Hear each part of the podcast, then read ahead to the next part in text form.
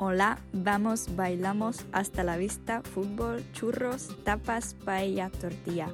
Pokud chceš umět i další slovíčka, která se ve španělštině nacházejí, tak poslouchej dál. Španělština stér. Hola, ahoj, já vás vítám u dalšího, tentokrát jazykového dílu podcastu Španělština stér. A opět eh, se vrátíme k abecedě a tentokrát se podíváme na písmeno M, jako Monika. Začneme tedy slovesy, kde jsem si zapsala morir, umřít, mudar se, přestěhovat se, mover, hýbat, případně mover se, hýbat se.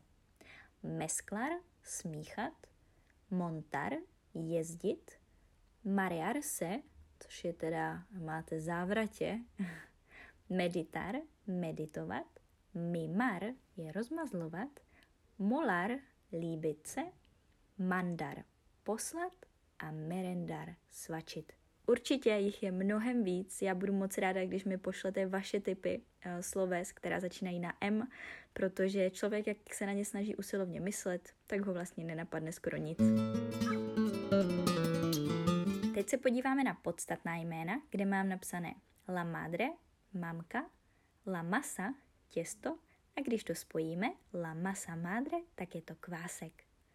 La montaña, hora, La monja je ptiška, la merienda svačina, la mosca moucha, el mosquito komár, la manta je přikrývka nebo deka, la mesa stůl, la moto motorka, el mono opice nebo overál, el mes měsíc, měsíc v roce, el martes je úterý, el miércoles je středa, La maleta je kufr, la mochila batoh, la muñeca panenka nebo zápěstí, la mano ruka, la mente mysl, el murciélago netopír, el mercado trh, el mundo svět a el molino mlín. Mlín jsem si nemohla odpustit, protože přece jenom je to takové typické bojovat eh, s větrnými mlíny, známe z Dona Quixota, takže El Molino, luchar contra los molinos de viento.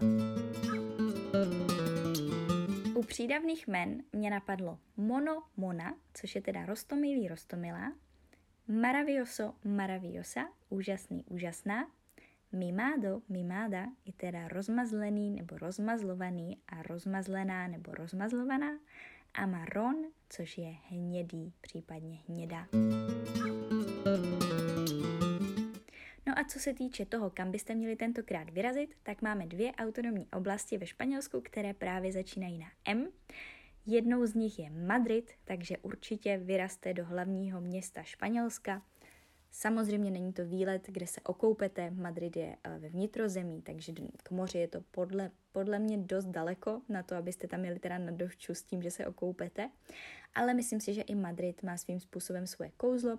Určitě tam nejezdíte v létě, to se tam upečete, ale myslím si, že takový jako jarní nebo podzimní výlet je moc fajn. Podíváte se na krásné památky, které v Madridu jsou a určitě stojí za návštěvu. Neřekla bych, nejezděte tam, to ne. No a druhou uh, autonomní oblastí je oblast Murcia, která je teda na jihu Španělska. A musím říct, že je taková dost volnomyšlenkářská. A je to opravdu taková jako destinace, nevím jestli úplně na dovču, Češi tam zrovna na dovču nejezdí, ale mám plánu tam vyrazit, protože přítel tam má rodinu, takže vám potom poreferují víc, jestli stojí za to tam jet nebo ne.